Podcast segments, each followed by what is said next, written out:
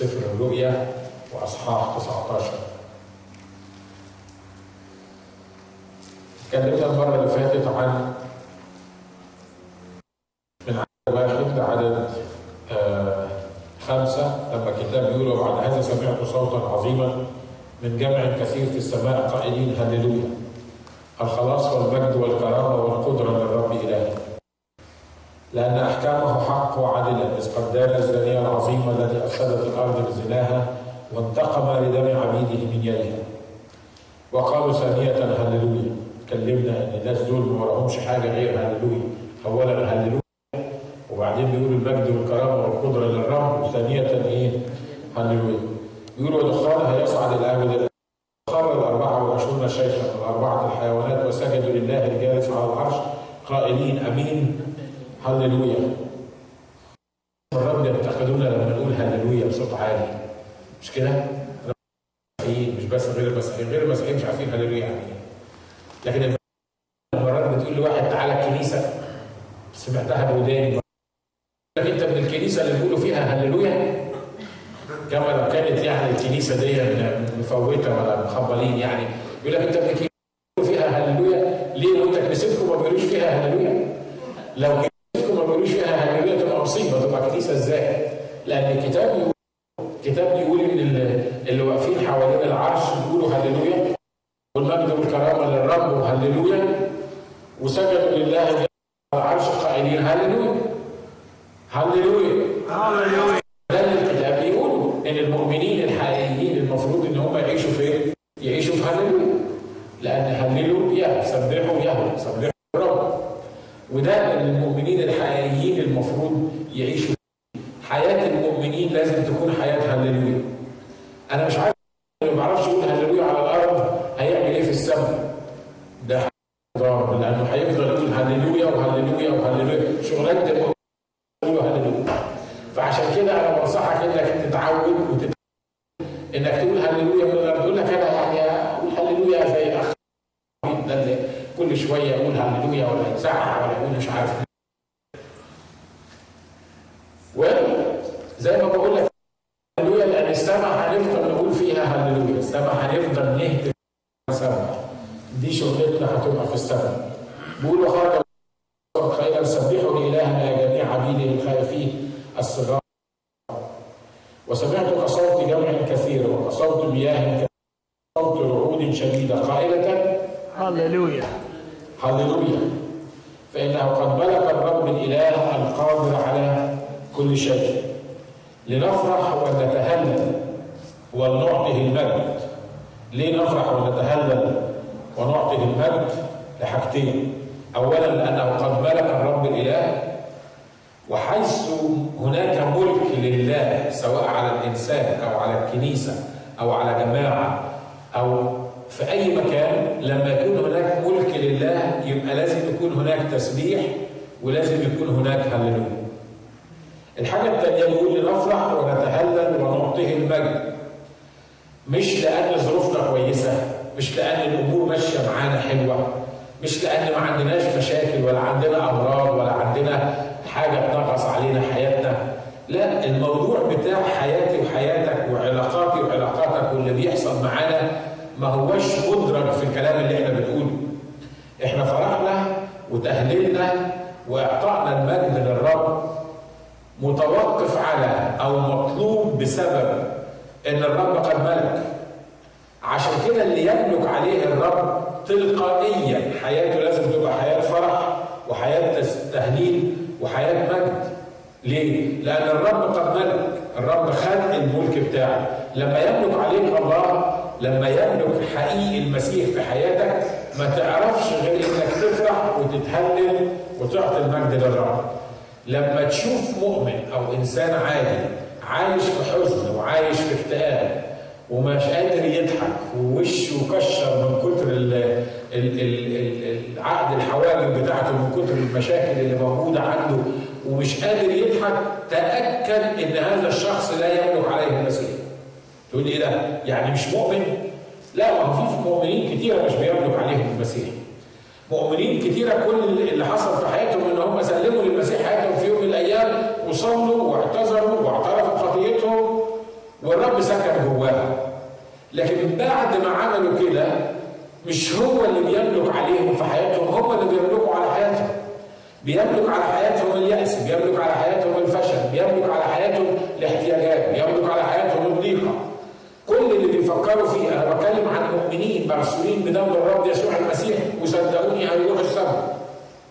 لكن الناس دول مرات كتيرة بيبقى في عدد منهم لا يملك على حياتهم الرب يسوع ملك حقيقي.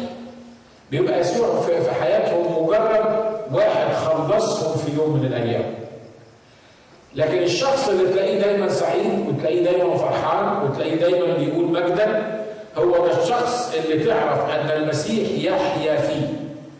الكتاب بيقول أحيا لا أنا بولس الرسول الكلمة دي أحيا لا أنا بل المسيح يحيا إيه؟ يحيا فيا. المسيح ما بيعرفش يكتب المسيح ما بيعرفش يقول الهم المسيح ما ما بيضربش أحباس بأسداس ويتلبخ لما تحصل مشكلة معاه. المسيح يقول فيكون يأمر فيصير يحيي الموتى ويدعو الأشياء غير الموجودة كأنها إيه؟ كأنها موجودة. لما تشوف واحد منتصر لما تشوف واحد بيدي المجد للرب لما تشوف واحد مبتهج تعرف إن يسوع حي في حياته. آمين؟ وكلنا مدعوين للحكاية دي، كلنا الرب عايزنا نكون في حالة فرح ونكون في حالة انتصار وفي حالة رفعه. ليه؟ لأن لو كنت أحيا لا أنا بل المسيح يحيا فيا يبقى ردود أفعالي ده مش معناه إن مش هيبقى عندي مشاكل. ده مش معناه إن إبليس مش هيحاربني، ده بالعكس هيحاربك أكتر من كل الناس. ده مش معناه إن مش هيكون حواليك حاجات مهبطات ومثبطات وحاجات تخليك تكره نفسك لو فكرت فيها. لا، لكن كل الحاجات دي مش بتهاجمك أنت لأن الرسول بولس بيقول أحيا لا أنا بل المسيح يحيا إيه؟ فيا. فلو كان المسيح يحيا فيا فالمسيح اللي هيواجه الفشل والمسيح اللي هيواجه الضغط والمسيح اللي هيواجه التجارب والمسيح اللي هيواجه الأمور اللي بتحيط بيا والمسيح يستطيع كل شيء وأنا أستطيع كل شيء في المسيح الذي يقويني فتكون النتيجة إني هفضل في فرح وفي تهليل ونعطيه المجد.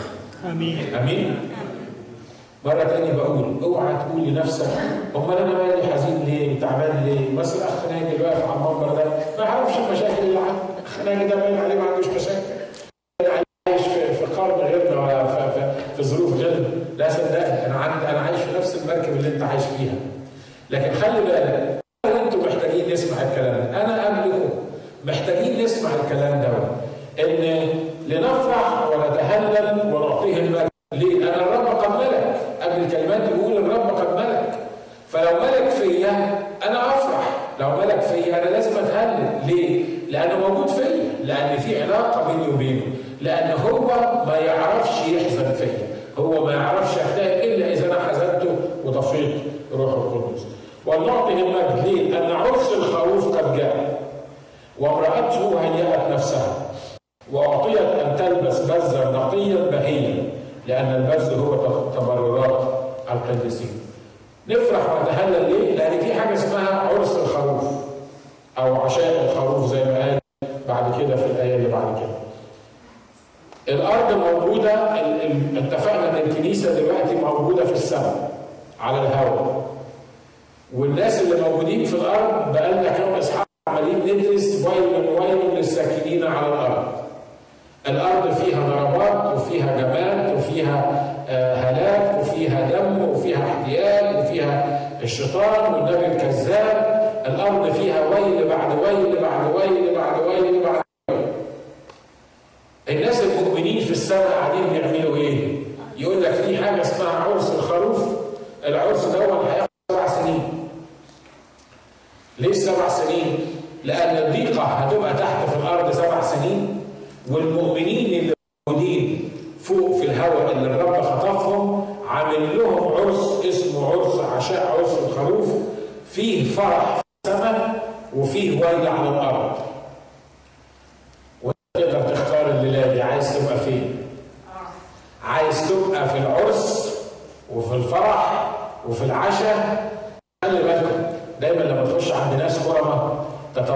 السفرة اللي هيقدموها لك بتختلف عن واحد عازب مثلا مش متجوز ومسكين على قد حاله يعني لو طلعت من العازب دون بتشريب يعني كتر خير يعني إن هو عمل لك القصة دي لكن في ناس بتروح عندهم تلاقي عامل لك ميده رائعة عظيمة جدا خلي بالكم اللي عامل العرس ده هو مين؟ مكتوب عنه هنا إنه ملك الملوك ورب الإيه؟ رب الأرباب. إن كان الملك احشويرس في القديم جاب الناس من آلاف من المملكة بتاعته وعمل الفرح دوت وجاب بيقول لك إنه كان مفيش حساب للأكل ولا الشرب والمشروبات حسب كرم الملك ليه؟ عشان الملك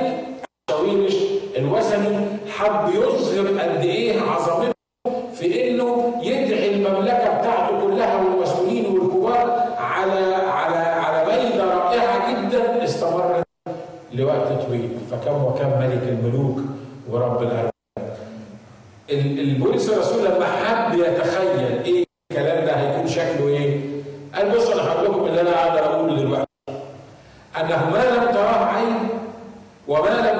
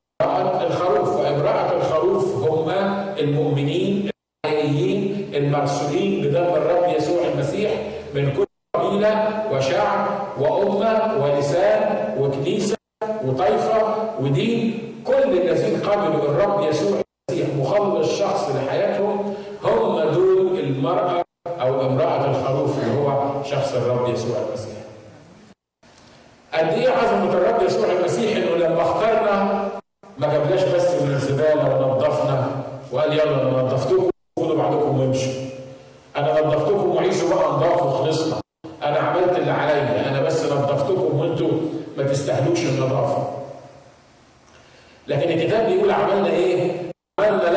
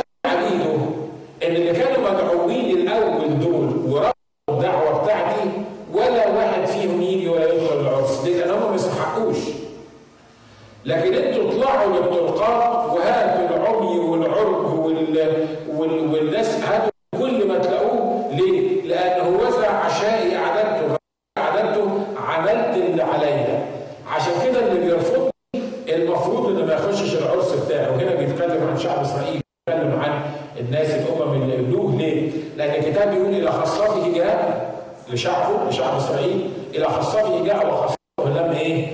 لم تقبله أما كل الذين قبلوه اللي هو أنا وأنتم اللي هم مش من شعب إسرائيل في طبعا لليهود دلوقتي بيقبلوا الرب يسوع المسيح مخلص شخص حياتهم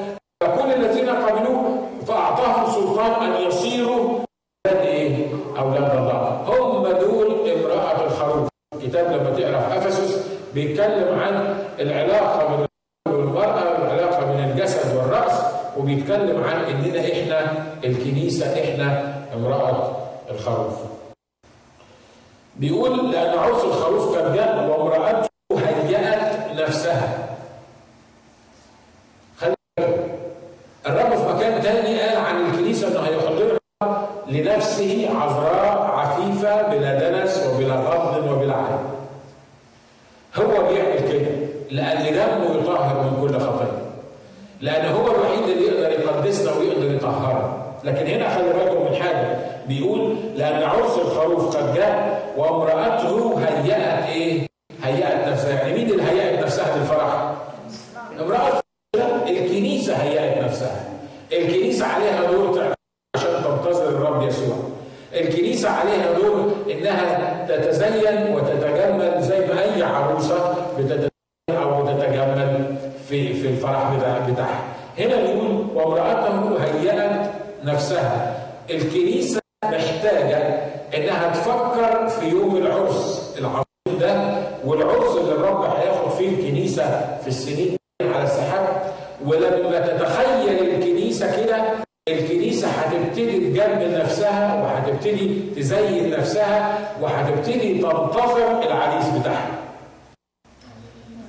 ما أقل الناس اللي بتتكلم عن مجيء الرب يسوع حتى لما بنتكلم عنه زي ما قلت كتير بنتخيل إمتى يجي عشان يخلصنا من القرف اللي إحنا فيه.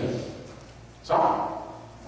مرات كتيرة لما بنتكلم عن مجيء الرب يسوع المسيح بنتخيل ان الرب يسوع جاي يطهر الدنيا وياما هتقوم والدنيا هتولع والنار هت مش عارف هتروح ناحيه ودي فكره اسلاميه فكره نهايه الأرض بالطريقة دي لغايه ما يجي بعد الضيقه العظيمه ده موضوع تاني ممكن كده. لكن الفكرة هي الرب يسوع هيجي كلص في الليل اللي مش منتظرين. هيجي يطبق الدنيا على الناس اللي مش مش قبلها مخلص شخص الحياة. لكن ليا وليكوا هيجي شكله إيه؟ يجي عريس عايز يتجوز واخد عروسته في فرح ومتهيألي مفيش أسعد من هذه المناسبة إن إن العروسة تزف للعريس حتى لو كان عريس ما فيش أهو عريس وخلصت يعني ظل راجل ولا حتة زي ما بيقولوا. لكن خلي بالكم إن العريس اللي إحنا مستنيينه يجي من السماء اللي مكتوب عنه لما حبت توصفه عروسه دي حبت توصفه ما عرفتش توصفه إزاي. مرة تقول أبيض ومرة تقول أحمر ومرة تقول مش عارف شايفه عاملة إزاي وعينيها عاملة إزاي. بالمناسبة الناس مش قادرة تفهم السفر بتاع نشيد الانشاد ده ونشيد الانشاد ده عامل لنا مشاكل كتير مع غير المسيحيين يقول لك شوف الكتاب بتاعهم واحدة عماله تقول لك ده مش عارف عينيها عامله إيه قصص ومش عارف عامله إيه غصب عنهم لانهم مش فاهمين ال الحقيقي والسر الحقيقي وراء نشيد الانشاد العروس لما حبت توصف العريس ما عرفتش توصفه إزاي قالت بصوا بعد ما حاولت توصف شوية حاجات فيه قالت اسمعها أنا هلخص لكم الموضوع حلقه حلاوه وكله مشتهيات يعني كل حاجة فيه حلوة كل حاجة فيه الناس بيشتهوها. وبعدين مكتوب عنه إن هو مشتهى جميع الأمم. شخص رائع مفيش زيه. إله مر بينا في زمان الحب وإحنا ما نستاهلش المحبة. وحبنا وجعلنا عروسه. وبينتظر اليوم اللي تتزف فيه الكنيسة. الناس المؤمنين الحقيقيين لشخص الرب يسوع المسيح. لما تفكر انك جزء من العروسة في هتخش في فرح حقيقي مع شخص الرب يسوع المسيح الغربة تهون عليك. صح؟ لما تعرف ان انت مستنيك عريس رائع زي ده مش تبكي على شوية مصاري راحوا منك ولا مش مين اللي زعلان منك ولا مين اللي بيتخانق معاك ولا مين اللي ما قالكش مش عارف مين خسرت إيه ولا عملت إيه ليه؟ لأن الخطيبه اللي موجوده في بيتها مهما كانت خسارتها مهما كانت المعاناه بتاعتها لكن كل تطلعها لليوم اللي هيجي فيه العريس ده ويتجوزها ويفرح بيها وتفرح بيه وتكون معاه إلى ابد الابدين. والكتاب اعطانا لمحه كده لما لما إبراهيم بعت اللي اسمه العازر الدمشقي دوت وقال له روح هات لنا عروسه للواد إسحاق. الكتاب بيقول إن هو كان ماشي بيكلمها عن إسحاق، لا سلام لو شفت إسحاق ولو شفت الغنى بتاع إسحاق. وطبعا واضح الغنى بتاع إسحاق أول ما كلمها راح مطلع اساور ومش عارف إيه وأقراط وبتاع واعطاها فهي حاسة بايه ده إيه ده إيه كل الكلام ده؟ ده حتى أخوه الراجل بتاع الفلوس ده خد له هدية وأمها خدت هدية. ف هتخلي البنت تيجي معايا؟ طبعا من عند الرب خرج الأرض.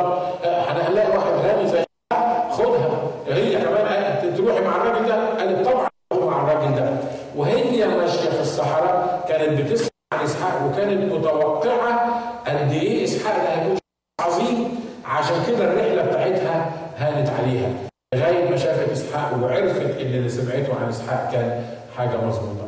والنهاردة الرب عايز يشجعنا لله يقول لك اسمع هانت. هانت. أمين؟ العريس جاي. اللي مش متجوز لغاية دلوقتي مش عارف إيه هيتجوز ولا ما اتجوزش ربنا يجوزكم كلكم. اللي مش متجوزين يعني. لكن خلي بالك إن لينا عريس جاي علشان ياخدنا للمجد الأبدي وعلشان نستمتع بيه. أعطيك أن تلبس نظرة نقية. بتعملها بايه؟ بتبرعات القديسين بالبر اللي ليها في المسيح الكتاب بيقول إذ قد تبررنا بالإيمان لا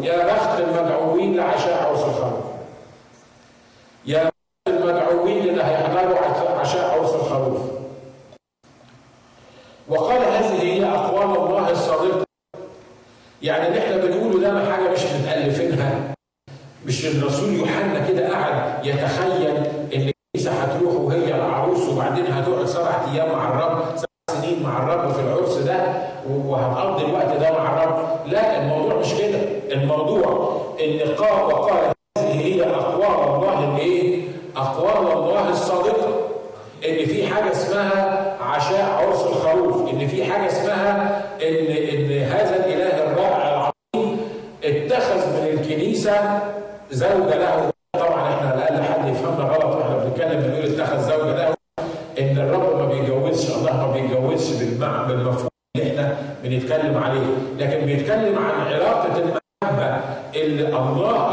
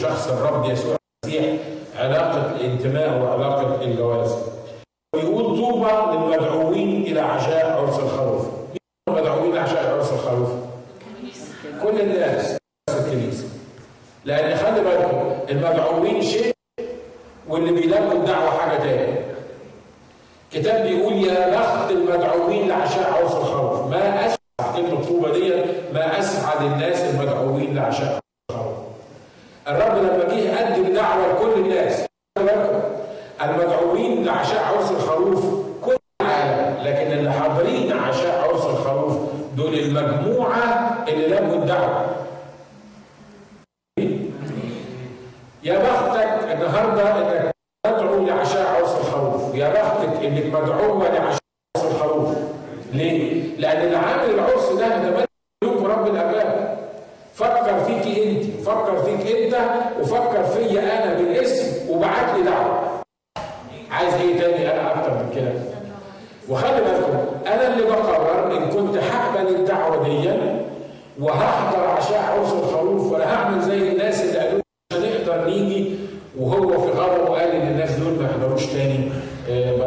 Al-Qaeda has a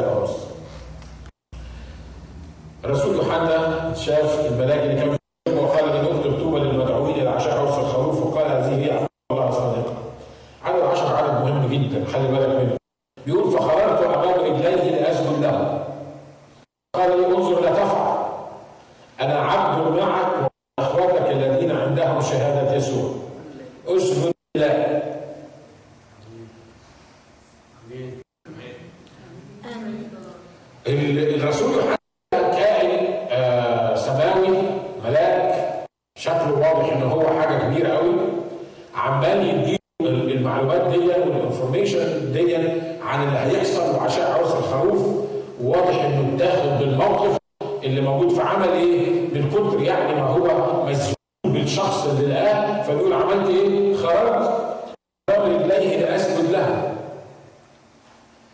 لكن الملاك عمل إيه؟ قال له لا خلي بالك.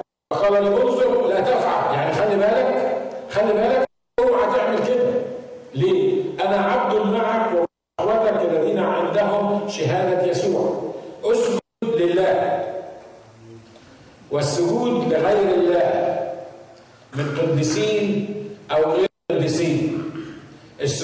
قدام التماثيل السجود قدام الصور السجود قدام الناس اللي موجودين في رتب كهنوتية أو ليهم أو وضعهم في الكنيسة مهما كان هذا الوضع ده شر والرب بيحذر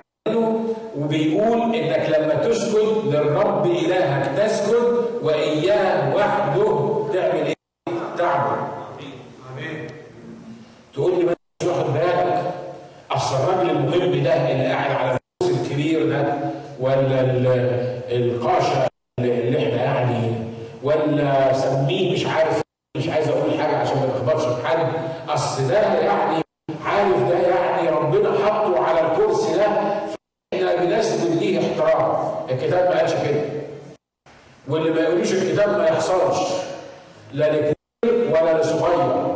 السجود لله وحده. حتى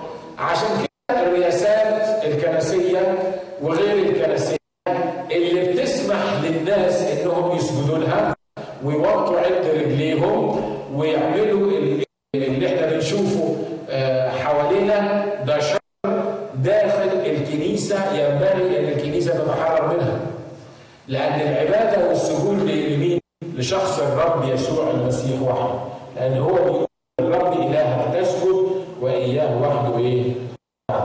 اسجد لله. فإن شهادة يسوع هي روح النبوة. يعني إيه شهادة؟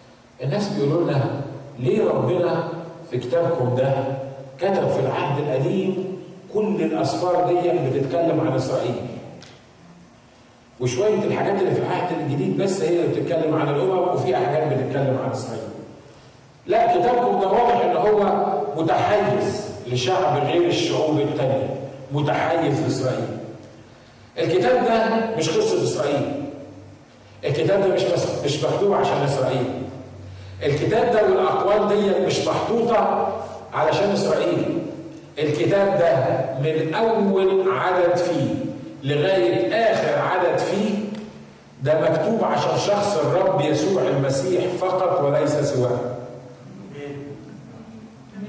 أمين؟ مش مصدقني لو فتحت أول آية في الكتاب بيقول إيه؟ بيقول في البدء خلق الله السماوات وإيه؟ والأرض كلمة الله دي جاية في اللغة العبرية بالجمع هي مش جاية الآلهة مش آلهة منفصلة. لكن كلمة الله هنا في البدء خلق الله السماوات والأرض دي جاية بصيغة الجمع. والناس بيقولوا لنا آه الناس بتوع زمان كانوا بيتكلموا عن نفسهم في التعظيم بصيغة الجمع. فلما الملك فاروق اللي كان عندنا في مصر يحب يفخر نفسه يقول نحن الفاروق. يعني مش يقول أنا أنا فاروق. لا يقول نحن الفاروق. يعني إيه؟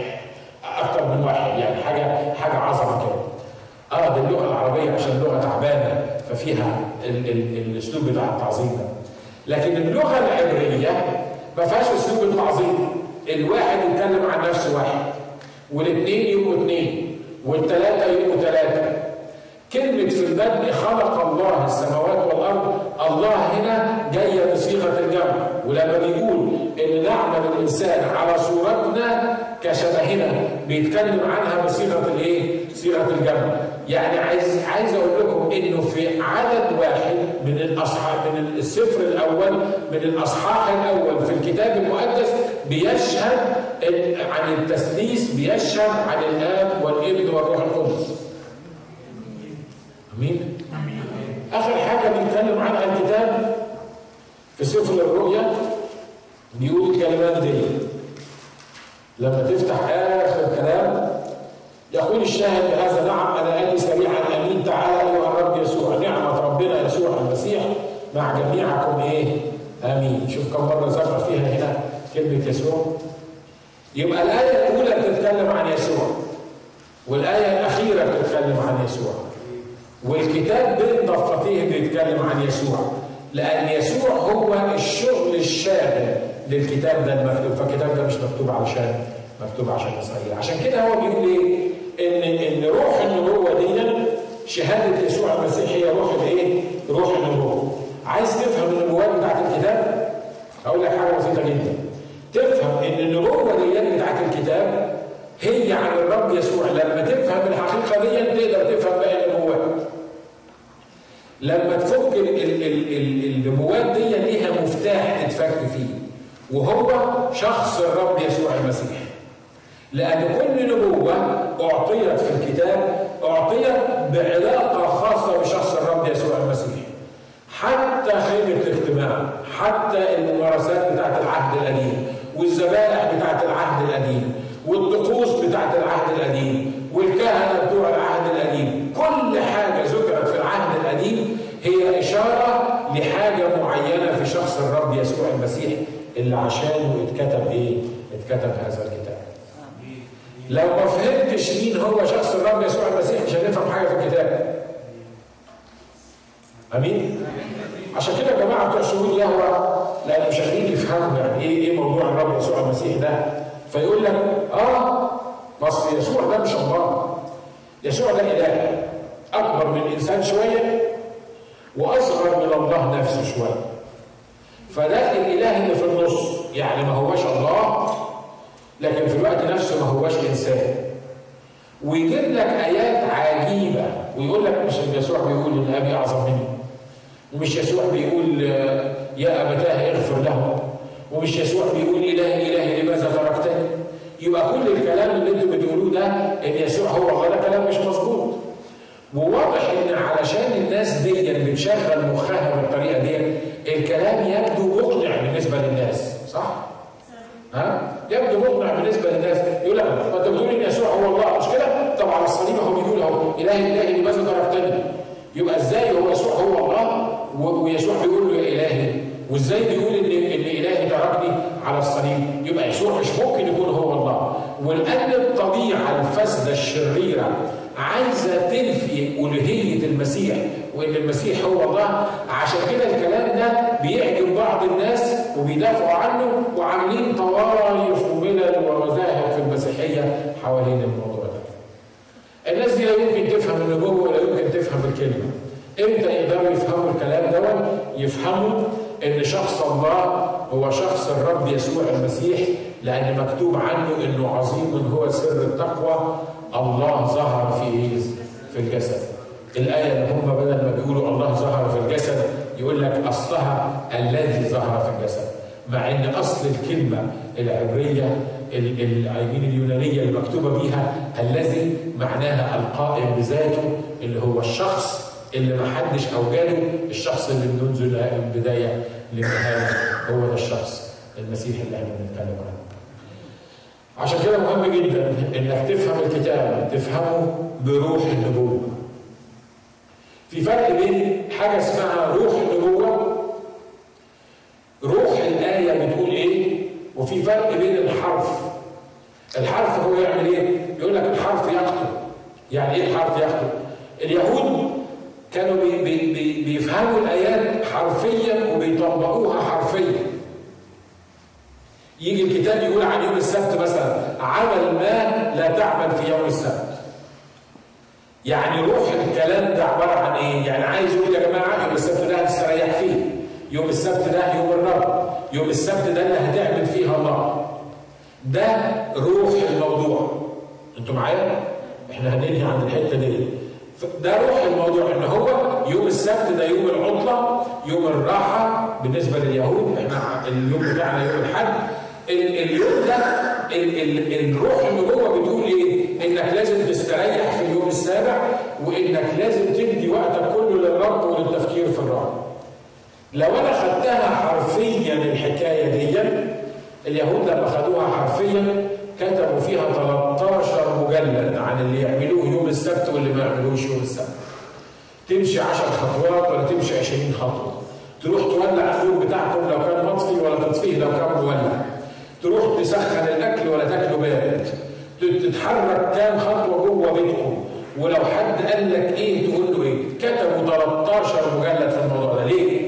لأن هم مش فاهمين روح النبوه هم خدوا خدوا إيه؟ خدوا الحرف بتاع الآيات وابتدوا يطبقوها حرفيا بطريقة ما قال لهمش الرب عليها عشان كده لما الرب جه قال لهم اللي أنتوا بتعملوه ده ده مش تعاليم الرب ومش وصايا الرب ده تعاليم الناس وصايا الناس الناس اللي قالوا لكم الكلام ده امين؟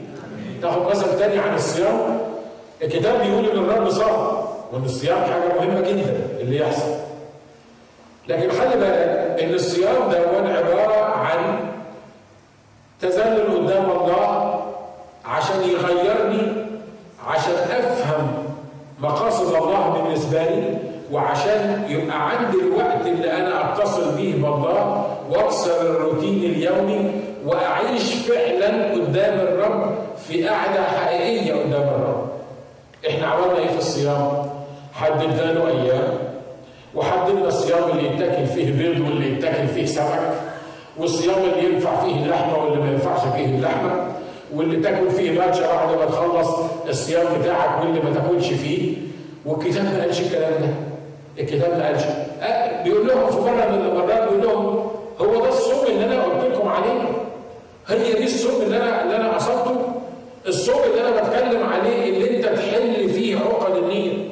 الصوم اللي أنا بتكلم عليه ان أنت تساعد فيه الآخرين. الصوم اللي أنا بتكلم فيه الحياة الحقيقية والعلاقة معايا. أنا مش بتكلم عن تاكل إيه بيض ولا سمك ولا لحمه ولا ولا الكلام ده أنا مش بتكلم عن 45 يوم ولا ولا 15 يوم ولا 30 يوم أنا مش بتكلم عن تصوم للقديس ده ثلاث أيام وللقديسه دي 21 يوم أنتوا اللي عملتوا القصة دي لأن أنتوا خدتوا كلامي حرفيا وطبقتوه بمزاجكم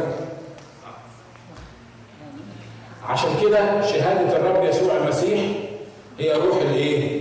روح النبوه كل نبوه تفسر كل نبوه تتكلم عن شخص الرب يسوع المسيح والذي لا يفسر ضوء شخصية الرب يسوع المسيح تكون النتيجة إن إحنا بنتمسك بالحرف وتكون النتيجة إن إحنا هنضل عن الحاجة اللي الرب يسوع عايز يكلمها عنها. أمين؟ لكن نشكر الله إن إحنا فينا الروح القدس. والروح القدس ما مشيكش على الحرف. الروح القدس ما مشيكش على الحرف. الحرف اللي يقول إيه؟ بيقول لك ما تاكلش من المقدس. في خبز معين ما ينفعش تاكل منه. كان في العهد القديم في الهيكل ما الخبز ده ما ينفعش تاكل منه وبعدين داوود كان في رحلة من الرحلات بتاعته وجاع وراح لواحد من الكهنة قال له إحنا جعانين ومسافرين ما عندكش حاجة ناكلها قال له ما فيش إلا الخبز المقدس الذي لا يحل أكله إلا لإيه؟ إلا للكهنة داوود قال له إيه؟ قال له ادينا الخبز المقدس. الرجاله بتوعي حافظين نفسهم مش عارف من إيه لمدة ثلاث أيام فادينا الخبز المقدس ده. الكتاب بيقول إن هذا الخبز المقدس لا يحل أكله إلا للكهنة، داوود أنت هتكسر وصية رهيبة دلوقتي، ليه؟ لأن الخبز اللي أنت هتاكل منه ده مش من حقك تاكل منه، أنت مش من الكهنة، والرجاله اللي وراك مكتوب عنهم ان اجتمع اليه كل رجل مر النفس وكل من كان عليه، يعني قطاعين طرق. الرجاله اللي وراك دول ما هماش كهنه دول دول حاجة مصيبة. الناس اللي وراك دول ما ينفعش تاكل من الخبز ده لأن الخبز ده مش ليك أنت لا يحل اكل قال لك لكن أنا عايز آكل من الخبز ده. ليه؟ لأن الخبز ده وضع لاجل الإنسان مش الإنسان لاجل الخبز. لما كان من الخبز دون الرب ما نزلش نار من السماء وقال آه ده عمل خطية وكسر الوصيه بتاعتي. وراح نازل عليه بنار من السماء وكان ممكن يعمل الحكاية. ده بالعكس. ده الرب وهو بيفسر الحكاية دي قال لهم أما سمعتم بما عمله داوود حين جاء؟ أنه أكل من الخبز المقدس الذي لا يحل أكله إلا للإيه؟ الا للكهنه أنت واضح واخد بالك اللي أنا اللي أنا عايز اقوله؟ اوعى تطلع من الاجتماع بقى ودي حتة مهمه قوي ركز فيها. تقول لك بس ربنا قال ما تاكلش من الخبز وداوود كل من الخبز. اهو اللي قال اللي بيقولوا ربنا ما تعملوش أنا هعمله. مش معنى داوود وربنا ما عملش معاه كده. اصل إحنا دايما بنميل للناحيه التطبيقية اللي على مزاجنا اللي تريحنا.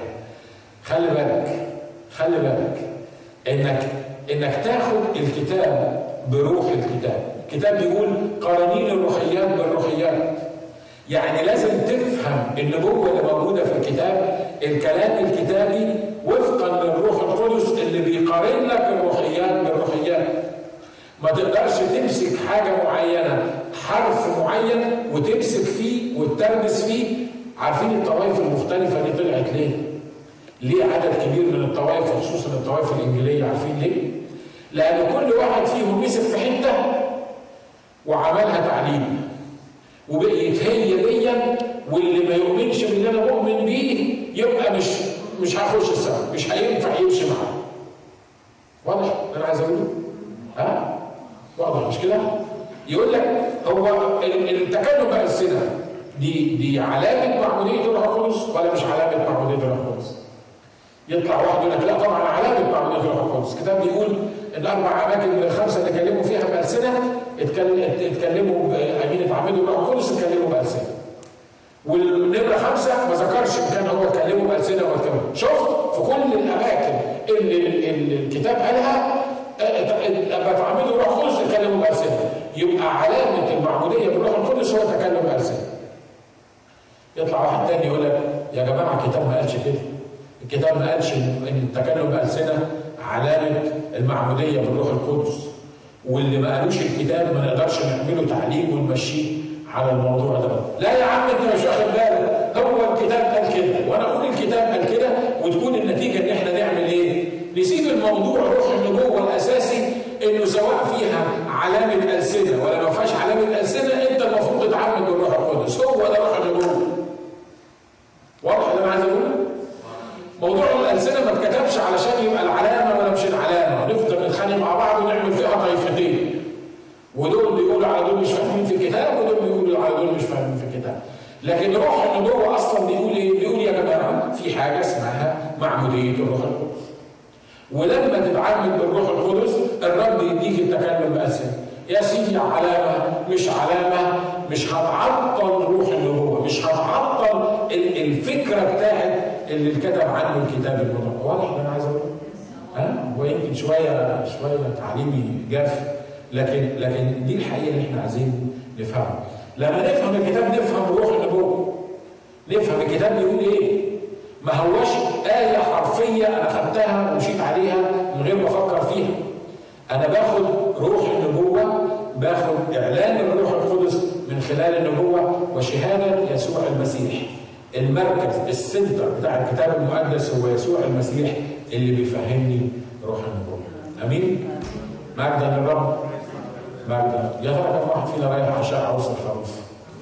يا بختك يا بختك انت مدعو انك تقعد وتاخد عشاء عروس